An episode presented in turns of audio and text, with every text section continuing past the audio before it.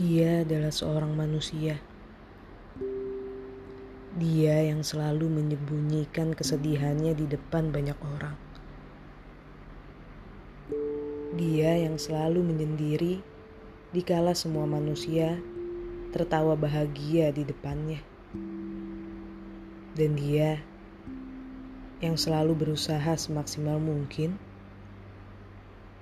meski dirinya tahu tidak ada satupun yang melihat usahanya selama ini. Dia juga adalah seorang anak dari kedua orang tuanya.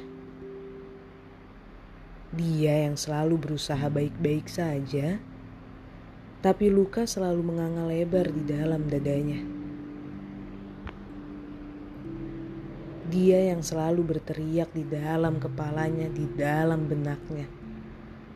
Ketika dunia semakin terasa melelahkan di kedua pundaknya. Dan dia, dia adalah seorang manusia yang selalu memilih untuk diam meski di sekitarnya sedang berteriak ke arahnya. Dia mungkin saja kamu. Dia mungkin juga aku dan dia mungkin saja salah satu manusia yang ada di muka bumi ini. Lalu, di mana dia saat ini?